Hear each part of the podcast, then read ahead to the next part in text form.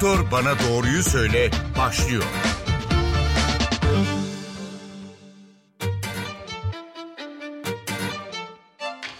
Merhaba NTV Radyo'da Doktor Bana Doğruyu Söyle başladı. Ben Zeynep Gül Alp. Bugün en çok karşılaşılan 5 kanserden biri olan rahim ağzı kanserini konuşuyoruz programımızda.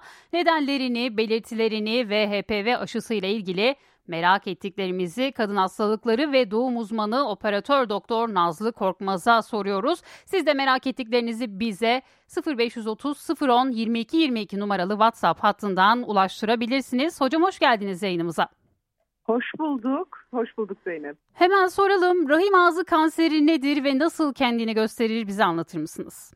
Öncelikle rahim ağzı kanseri farkındalık ayındayız. Bu anlamda e, hem kadınları hem toplumda e, toplumu bilinçlendirmek üzerine etkin çalışmalar yapıyoruz. Buna siz de yer verdiğiniz için ben çok teşekkür ediyorum. Biz teşekkür ederiz katıldığınız için. Ben teşekkür ediyorum tekrar. Rahim ağzı kanseri kadınlarda en sık görülen ikinci jinekolojik kanserdir ve her yüz kadından e, iki tanesi hayatı boyunca mutlaka rahim ağzı kanseriyle karşılaşmaktadır. Bu yüzden mutlaka rutin jinekolojik muayenelere, simir testlerine şiddetle öneriyoruz erken tanı ve test için. Çünkü erken tanıyla rahim ağzı kanserinin önüne geçilmekte. Ve yine bu anormal sinir sonuçlarında karşılaştığımız en sık etken e, HPV. Rahim ağzı kanserinin en sık nedeni aslında HPV ve bu virüs %98 oranında cinsel yolla bulaşan bir virüs. O yüzden her ne kadar sonuçları kadınları etkilese de aslında bu HPV olayı hem erkekleri hem kadınları ilgilendiriyor. E, HPV'den korunmak için ne yapmalıyız peki? Evet. Bu sosyokültürel düzey fark etmeksizin her yaş grubunda, her e, sosyal grupta hem kadında hem erkekte olası bir durum aslında. Ama erkekler genelde vektör yani taşıyıcı grup oluyorlar burada ve çoğu zaman hiç semptomsuz atlatabiliyorlar ki nadiren de olsa onlarda da penis kanseri, larynx kanseri gibi kanserlere yol açmakta ama sıklıkla gördüğümüz kadınlarda oluşturdukları rahim ağzı kanseri. Hele ki düzenli te, e, tarama testleriyle e, fark edilmezse ve ileri boyutlara ulaşırsa o zaman gerçekten e, öne alınmaz sorunlar hani hayat kaybına kadar gidebiliyor. Biz evet. bu nedenle mutlaka e, 9 ila 45 yaş denir. 9 ila 45 yaş arasındaki tüm bireylere ama hani işin başındaysak da 9 ila 11 yaş arası çok uygun. 9 yaşından itibaren tüm erkek çocuklarına ve kız çocuklarına mutlaka HPV aşısını yaptıralım diyoruz. Hı hı. Ee, hele ki son dönemde şimdi HPV'nin dokuzlu suşu, bizde daha önce sadece dörtlü suşu vardı Türkiye'de.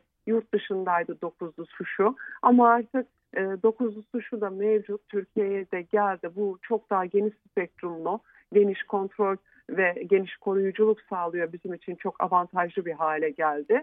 Biz bunu şu şekilde yapıyoruz. 14 yaşına kadar çocuklarımızda 2 doz 6 ay arayla 14 yaşından büyüklerde ise 0, 2 ve 6. ay olmak üzere 3 doz mutlaka koruyucu amaçlı uygulayalım istiyoruz ve büyük oranda bizim için rahim ağzı kanserinden koruyuculuk sağlıyor bu olay. Hocam şimdi cinsel yolla bulaşır dediniz ama örneğin tuvaletten Hı-hı. bulaş gibi bir durum oluyor mu? Hijyen ne kadar önemli? Şimdi şöyle sauna, hamam, e, havuz gibi toplu kullanılan yerlerde de nadir de olsa evet geçme ihtimali var. Yani genital bölgenin açık olduğu, temas olduğu, atıyorum orada bir sürüntü kaldıysa evet böyle de bir bulaş ihtimali var. Ama daha çok birebir penetrasyonla yani hani cinsel ilişkiyle bulaşma ihtimali daha yüksek olduğu için özellikle cinselliği vurguluyoruz. Genelde de cinsel yolla bulaşıyor ama yine de her anlamda e, sadece HPV değil enfeksiyonlardan korunmak için de böyle toplu kullanım alanlarında gittiğimiz yerlerin hijyenine gerçekten çok dikkat etmek gerekiyor. Şimdi bir dinleyici sorumuz var hocam. Hemen onu alalım. Sonrasında devam edelim. Tabii ki. Merhaba hocam. Size bir sorum olacak. Simir testi rahim ağzı kanserini belirlemede etkili midir? Dinleyicimiz diyor ki simir testi rahim ağzı kanserini belirlemede etkili midir? Bu soruya ek olarak başka yöntemlerle de belirlenir mi? Hangi testler yapılır ya da ultrasonla ya da muayene ile de anlaşılır mı? Şimdi e, kesinlikle etkilidir. Özellikle erken teşhiste. Biz yıllık sinir kontrollerinizi yapın deriz. Normal çıkabilir, hiçbir şey çıkmayabilir. Okey sorun yok, bir yıl sonra görüşelim şeklinde. Anormal bir semptomunuz olmazsa ya da şüpheli bir durum olmazsa bu dönem sürecinde. Ee, anormal neler çıkabilir? Anormal hücre bozuklukları dediğimiz ki bunlar da kendi arasında aşama aşama gruplanılır. Aslında normale e, yakınlıkla rahim ağzı kanserine gidişat arasındaki o yolda farklı parametreler vardır. Az bozulmuş, çok bozulmuş, daha yüksek e, risk içeren hücre e, grubu gibi. Bunun bir fasıl e, ötesi de aslında artık rahim ağzı öncü kanser lezyonlarıdır. Cin 1, cin 2, cin 3 dediğimiz. Ondan sonrası da zaten rahim ağzı kanseri olarak geçer. Peki biz bunları gördüğümüzde geç mi? Hayır değil. Zaten amacımız aslında bizim bunları e, yakalamak. Biz bunu gördüğümüzde ne yapıyoruz? Sinir testinde bir anormallik varsa mutlaka HPV testi bakıyoruz. Buna eşlik eden yüksek riskli bir HPV pozitifliği var mı? HPV'de de pozitiflik gelirse o zaman evet bunun alt zemininde de bir HPV var. Bunda kanser insidansı oluşturma ihtimali yüksek. O zaman kolposkopi yapıyoruz. Kolposkopi dediğimiz olay ise mikroskopla rahim ağzını özel bir solüsyonla boyayarak sonra o büyüteçle aslında e, büyütme alanı sağlayarak biz oradan rahim ağzında şüpheli e, displazik dediğimiz yani kanser e, oluşturma potansiyeli gösteren bir hücre, e, bir yüzey epitel bozukluğu var mı? Bunu görüyoruz ve varsa buradan örnek alıyoruz. Patolojiden gelen sonuç aslında bize daha net sonuç veriyor. Bu bir kanser, bu bir kanser öncüsü lezyon ya da değil ama e, eğilimi var. E, o şekilde bize bir yol haritası çıkarıyor. Peki o zaman ne yapıyoruz? O zaman lipkonizasyon dediğimiz ameliyathanede anestezi altında yine kısa tıraşlama e, işlemi yani kısa bir şekilde yaptığımız kısa süren bir tıraşlama işlemiyle o rahim ağzındaki bozuk epiteli tamamen sıyırıp alıyoruz. Peki bu tarz bir şey çıkmadı, kolposkopiye gerek kalmadı ya da düşük riskli bir şey çıktı. O zaman da medikal tedavi hem vajinal hem de bağışıklık sistemini koruyucu ve HPV'yi vücuttan dışarıya atmaya yardımcı olan bir takım medikal ilaçlar kullanıyoruz. Ee, hastanın durumuna göre en geç 6 ay sonra tekrar sinir kontrolüne çağırıyoruz. Peki hemen bir sorumuz daha var onunla devam edelim. Hı hı. Merhaba, e, HPV aşısı Türkiye'de bir süredir devam ediyor. Kaç yaş itibariyle yaptırılabilir? Kaç yaş öncesi için faydalı olabilir? Küçük yaştaki kız çocuklarına yaptırılabilir mi? Küçük yaştaki kız çocuklarına yaptırılabilir mi deniliyor. Siz az önce 9 yaş dediniz ama bunun daha da alta çekilimi söz konusu olabilir mi? Yok. Bir de rahim, rahim ağzı kanseri kaç yaşında ortaya çıkar ve erken teşhis ne kadar önemli? Şimdi şöyle rahim ağzı kanserinin bir yaşı yok aslında. Yani bir rahim kanseri gibi ileri yaşta görülen e, ya da menopoz sonrasında görülen bir kanser değil. Cinsel aktivite olduktan sonra ve bu virüste karşılaşıldıktan sonra her yaşta çıkma ihtimali yüksek. O yüzden zaten bizim için çok e, üzücü tablolar çıkarabiliyor ortaya. O yüzden çocuklarımızı erken yaşta 9 yaş itibariyle korumaya alalım diyoruz. Çünkü hayatta her zaman e, isteğe bağlı olmayabiliyor olaylar. Yani e, bizim çocuğumuzun güvenliğini e, elimize almamız gerekiyor. Neyle, nasıl, ne şekilde karşılaşacağını, kimlerle karşılaşacağını bilmiyoruz. Hem erkek hem kız çocuğu korumak adına biz 9 yaşında yaptırıyoruz bunu. Yoksa hemen hani aktif bir cinsel hayatı olacağı için değil. Yurt dışında e, öncesinde daha erken yaşlardaydı ve bizlerde daha yüksek yaşlardaydı. Ancak bu rahim ağzı kanserinin ciddiyeti arttıkça e, yani HPV aşısı için bizim önerdiğimiz yaş dilimi 9-11 yaş arası ideal ama 9 yaşından itibaren dediğim gibi hem kız çocuklarına hem erkek çocuklarına anneler e, gönül rahatlığıyla yaptırabilirler ve yaptırmalılar. Hocam bu noktada şunu sormak istiyorum. Annesi rahim ağzı kanseri olan bir e, çocuk için de aslında bu e, önemlidir değil mi? Genetik olarak da e, geçen bir etkisi var mı rahim ağzı kanserinin? Şimdi şöyle e, kanserlerin tabiatında genetik kesinlikle rol oynuyor. Nasıl yumurtalık kanseri, nasıl rahim kanseri, nasıl meme kanseri, bağırsak kanserinde genetiğimiz bizim için önemliyse evet rahim ağzı kanserinde de e, aynı şey geçerli. Fakat biz burada e, HPV ile karşılaşmazsak, e, sigara tüketimini e, yani sigara içmezsek, yaşam kalitemizi e, iyi tutarsak, spor yaparsak, bağışıklık sistemimizi iyi tutarsak ve kontrollü bir cinsel hayatımız olursa bu ihtimalle karşılaşma e, riskimizi o denli azaltmış oluyoruz. Ama genetik tartışmasız hepimizin hayatında rol oynuyor. Fakat annenin de serviks kanseri olurken yani rahim ağzı kanseri olurken genetik nedenli mi oldu? Evet hasta yatan nedenler muhakkak vardır ama etkene maruz kalarak mı oldu? Bu da önemli. Mutlaka orada bir etkenle karşılaşma hikayesi vardır diye düşünüyorum. Evet, NTV Radyo WhatsApp hattına gelen bir diğer soruyla devam ediyoruz. Merhabalar. Yaklaşık iki yıl önce simir testi yaptırdım. Bundan sonraki süreçte düzenli olarak senede bir defa simir testini yaptırmaya devam mı etmeliyim?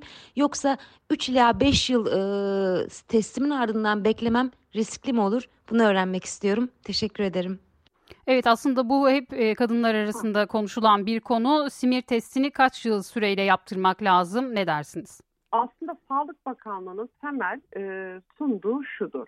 3 yılda bir simir testi eğer sonuçlar temiz çıktıysa yeterli. 5 yılda bir olanda HPV artı simir baktırdınız. İkisi de temizse o zaman 5 yılda bir yaptırın yönünde. Fakat şurada dikkat edilmesi gereken husus şu. Bir, tek partner olması. Yani şüpheli bir partner durumu varsa, karşıdaki partnerin güven durumunu bilmiyorsak, e, hani e, düzenli evlilik hayatı olan bireyler için bu geçerli olabilir. Ama hani onun dışında e, bilginiz dışında olan şeyler için 3 e, yıl ve 5 yıl o noktada geç olabilir. Peki neden şüphelenebiliriz? Hani bu tarz e, cinsellikle ilgili bir şüphemiz yok ama yine de hani kendimi koruma altında hissedebilir miyim kısmı. E, düzensiz sık ara kanamalar, düzensiz mens dönemleri oluyorsa, ilişkide ağrı, ilişki sonrası acıma, geçmeyen vajinal enfeksiyonlar gibi anormal durumlar varsa zaten mutlaka bir jinekoloğa başvurun diyoruz biz. Bir jinekolog da zaten yaptığı değerlendirmede rahim ağzında yara, enfeksiyon ya da ekstra şüpheli bir durum görürse mutlaka size zaten simir ya da daha detaylı tetkik yönünde e, telkinde ve öneride bulunacaktır. Peki simir testi yaptırmaya kaç yaşından itibaren başlamak lazım ve doğum Öyle yapmış yapmamış kadınlar arasında bir zamanlama açısından bir fark var mı hocam? Doğumla ilgisi yok fakat hı hı. aktif cinsel hayata başladıktan sonra atıyorum yeni evlenmiş bir birey için konuşalım. Bir yıllık düzenli cinsel ilişki sonrasında e, yani bir yıllık evlilik hayatı sonrasında mutlaka başlamalı ya da genel alırsak cinsel ilişkiye başladıktan bir yıl sonra mutlaka düzenli simirini yaptırmaya başlamalı. Peki yine NTV Radyo'nun WhatsApp hattına gelen bir diğer soruyla devam edelim. Merhaba. 17 yaşındaki kızım için doktor tavsiyesiyle rahim ağzı kanseri için 3 adet aşı yaptırdık. Ömür boyu koruyuculuğu var mı yoksa tekrarlamak gerekir mi? Teşekkür ederim. Evet hocam ne dersiniz Şimdi soru? şöyle e, önce dörtlü suç mu yaptırdı, dokuzlu suç mu yaptırdı bilmiyoruz. Ee, şöyle söyleyeyim ben, dokuzlu suç yeni geldi, üç dozu tamamlayamamıştır. Muhtemelen dörtlü suçu yaptırdı. Ee, bunların içeriklerine göre şu an en yüksek riskli olan gruba karşı koruyucu dörtlü olan, dokuzlu da daha da genişletilmiş olarak dokuz e, yüksek riskli suçu içeriyor. Evet bunlara karşı bu aşıları yaptırdığında kesinlikle bağışıklık kazanmış oluyor. Bu, bu anlamda sıkıntı yok. Fakat ne yapabilir? Dörtlü suçtan eğer üç dozu tamamladıysa yine koruma amaçlı bu gelen dokuzlu suçta suçta suçta suçta doz 6 ay arayla yaptırıp daha da güvenli hissedebilir. En azından o dörtlü suçta bulunmayan diğer risk faktörleri için de kendisini koruma altına almış olur. Peki aşılar arasındaki yani 3 doz deniliyor ya bu doz evet. dozlar arasındaki süre ne kadar? Şöyle 0, 2 ve 6 ay deriz. Yani ilk dozla ikinci doz arası bir aydan kısa olmamalı. İdeali 2 ay. Yine ikinci dozla üçüncü doz arasında 3 aydan kısa olmamalı. İdeal olarak e, biz 4 ay diyoruz orada da. Peki aşının koruyuculuğu ne kadar hocam? Bu bir e, ölçüsü yapıldı mı daha önce e, bir araştırma? Tabii, aşı Hı-hı. kesinlikle koruyucu. Bu virüs vücuda alındığı andan itibaren bir şekilde o vücutla e, vücutta o virüsle karşılaşılmış oluyor. Doğal olarak buna karşı e, bağışıklık yanıtı uyarı vermiş oluyor. Yani aşı kesinlikle koruyucu. Peki bir diğer soruyla devam edelim. Selamlar. Ben daha önce HPV pozitif olarak e, geçirmiştim. Hatta kolposkopi ve konizasyon yapılmıştı. Daha sonra iki yıl sonrasında pozitif negatife döndü. E, tekrar yenileme ihtimali veya ileride kanser yapma ihtimali olabilir mi? Buyurun hocam. Şimdi şöyle hangi suçla karşılaştı ve e, ona hangi türü bunu yaptı onu bilmiyoruz. Ama ben şunu e, öneriyorum yani Amerika'da da bu bu şekilde ben de tedavilerimi o şekilde devam ettiriyorum. Ben e, aktif hastalığı geçirmiş olsa bile ya da kapmış olsa bile o anda HPV pozitif olsa bile aşı yanlısıyım açıkçası. E, profilaksi de yani koruma amaçlı kullandığımız gibi tedavide de kullanıyorum. En azından diğer suçlara karşı da bağışıklık kazandırmış oluyoruz. Ee, şimdi hanımefendi daha önce böyle bir şey geçirmiş, onu atlatmış. Okey bu güzel. Ama evet e, farklı bir suçuyla yeniden karşılaşma ihtimali tabii ki var birinden bulaştığı anda. O yüzden mutlaka yine aşı olmasını öneririm ben. Tamam. Şimdi WhatsApp hattımıza gelen bir diğer soruyu daha dinleyelim. Merhabalar, merak ettiğim bir soru var. 17 yaşında birisi olarak HPV aşısı olmam gerekir mi? Genç bir dinleyicimiz ne dersiniz hocam? Kesinlikle olması gerekiyor. Dikkat ederseniz simir için cinselliğe başladıktan sonra çünkü o bir tarama aracıydı. Hı. Ama HPV aşısı ise e, belki hiç karşılaşmayacağız hayatımız boyunca. Ama olası bir risk karşılaştığımızda ödeyeceğimiz bedeller çok ağır olacağı için en güzel aslında erkenden hiç karşılaşmadan bunun önlemini al, almış olmak aslında e, sağlıklı bir hayat için. Ben kesinlikle öneriyorum küçük hanıma 3 doz aşı olmasını. Evet bir diğer dinleyicimiz daha sorusunu yollamış NTV Radyo'nun WhatsApp hattına onu da dinleyelim. Merhaba ben 65 yaşındayım. Rahim ağzı kanseri riski kaç yaşına kadar sürüyor? Bir de e, aşı olmam gerekiyor mu? Ne dersiniz hocam? Şimdi şöyle, e, Gardasil'in kendi prospektüsünde de tanımladı. 45 yaşına kadar aslında rutin kullandığımız aşı 45 yaşına kadar. E, sinir testini de biz zaten 65 yaşına kadar alıyoruz. E, 65 yaş üzerinde rutin simir tarama testi yapmıyoruz. Ama hani geçenlerde bir hastamın başına geldi benim. E, 70 küsur yaşında teyzeyi rahim ağzı kanserinden kaybettik e, neden? E, böyle bir tarama yöntemi yok, e, teste gidilmiyor. E, kadın da farkında değil, böyle bir şeyden de şüphelenilmiyor. Ama işte e, cinsellik tek kişiye yaşanan bir şey değil. Bir de e, eş faktörü var. Doğal olarak yani erkeklerin ne yaşta neyi taşıyacağı hiç belli olmuyor. Ben o yüzden her yaşta eğer cinsel hayat varsa aktif yaptırma yanlısıyım. Peki e, virüsün vücuda alındıktan sonra bekleme süresi gibi bir şey var mı hocam? Yani 60 yaş öncesinde alınan bir virüs e, sonrasında ortaya çıkabiliyor mu? Ne dersiniz? Aslında şöyle, e, biz şöyle deriz. 30 yaşın altındakiler aslında bir anlamda daha şanslı. Onlara hemen cerrahi işlem girmeyiz. Neden? Bağışıklık sistemi daha kuvvetli. 2 yıl içinde vücuttan bunu atma şansınız var deriz ve takip ederiz. 30 yaşın üstünde biraz daha latent kalabiliyor bu vücutta yerleşebiliyor. O yüzden e, biraz daha cerrahi ilerlemeden olayı çözelim yönünde gidiyoruz aslında. Şimdi yaş ilerledikçe haliyle bağışıklık düşüyor.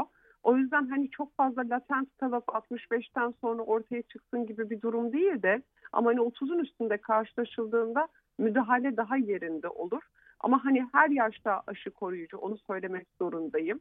Yine doktor kontrolünde duruma bağlı olarak e, en kötü ne yapılabilir? Bağışıklık sistemini kuvvetlendirici ilaçlarla bu desteklenebilir.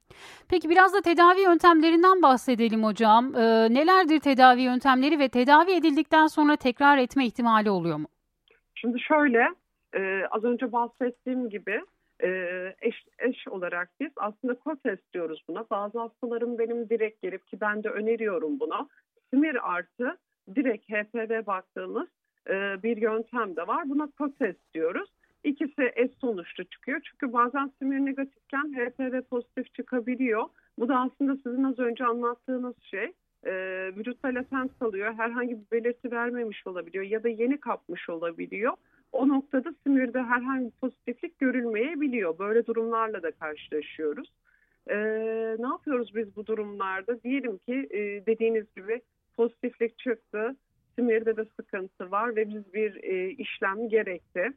Ee, yine az önce anlattığım gibi kolposkopi, kolposkopi sonucunda biyopsi sonucumuz patolojiden olumsuz gelirse dediğim gibi e, lip konizasyon işlemini yapıyoruz. Bu da yine anestezi altında kısa süren günübirlik bir işlem olup rahim ağzını e, tıraşlar gibi yani portakal kabuğunu soymak gibi düşünün daha ince, daha hassas bir biçimde rahim ağzının ön yüzünü aslında soyuyoruz. Varsa iç, iç, e, içeriye uzanan bir kısım o kısmı da yine konik e, şeklinde çıkarıyoruz. Aslında rahme zarar vermeden ama e, tamamen bu hücreleri de negatif cerrahi sınır deriz biz buna e, olacak şekilde yani dokuda kalmayacak şekilde temizlenmesi. O noktada da patoloji sonucunu bekliyoruz. Patoloji sonucunda bize cerrahi sınır negatif yani dokunuzda bir şey kalmamış. Hepsini çıkarmışsınız sonucu. Gelirse içimiz rahat, olay bitmiştir. 6 ay sonra rutin simir kontrolleriyle takip ederiz. Bunun bu anlamda burada tekrar temiz, e, tekrarlaması gibi bir şey olmuyor tedaviye sadık kaldığında. Nitekim dediğim gibi bağışıklık sistemini destekleyici bir takım ilaçlarda başlıyoruz. Sigarayı kesiyoruz. E, genelde biz hep olumlu sonuç alıyoruz. Ama iş çok öteye kaydıysa bir rahim ağzı kanseri oluştuysa zaten o zaman çok daha e, radikal cerrahi tedaviler, ameliyat, o bölgenin tamamen çıkarılması, bazen de tamamen artık inop dediğimiz ameliyat edilemez hale geliyor. Çünkü servis kanseri, rahim ağzı kanseri agresif bir kanserdir, bol kanamalıdır. E, o yüzden hayat kaybıyla sonuçlanabiliyor. Bizim amacımız burada erken teşhis hayat kurtarır mantığıyla e, vaktinden önce bunları yakalayıp hiç o safhalara gelmeden olayı çözmek. Hemen şunu sorayım çok küçük. Bu işlem yapıldıktan sonra tedavi e, anne olmakta bir sıkıntı yaşanıyor mu yoksa sorunsuz bir şekilde hamile kalınabiliyor mu? Ee, anne olma kısmında herhangi bir sorun yok. Sadece benim tedavi ettiğim birkaç hastamda da hemen arkasından gebelik planladık. Onların da korkusu şuydu. Eğer rahim tabakasını tıraşlarken fazla kalın çıkarırsanız bu rahim ağzı yetmezliğine yani bu da erken haftalarda doğum düşük e, normal doğumla gerçekleşmemesi gibi olaylara sebebiyet verebilir. O yüzden özenli davranmak gerekiyor. Milimetrik sadece e, negatif hücreleri çıkarmaya yönelik bir cerrahide herhangi bir sorun yaşanmaz. Nitekim benim iki gebem de gayet sağlıkla idame ettirdiler gebeliklerini. Çok teşekkür ediyoruz programımıza katıldığınız, sorularımızı yanıtladığınız için. Ben teşekkür ediyorum. Sevgiler, saygılar. Doktor bana doğruyu söyledi. Bu hafta rahim ağzı kanserinin nedenlerini ve tedavi yöntemlerini konuştuk. Konuğumuz kadın hastalıkları ve doğum uzmanı operatör doktor Nazlı Korkmaz'dı. Haftaya farklı bir konu ve konukla tekrar bir arada olmak dileğiyle. Hoşçakalın.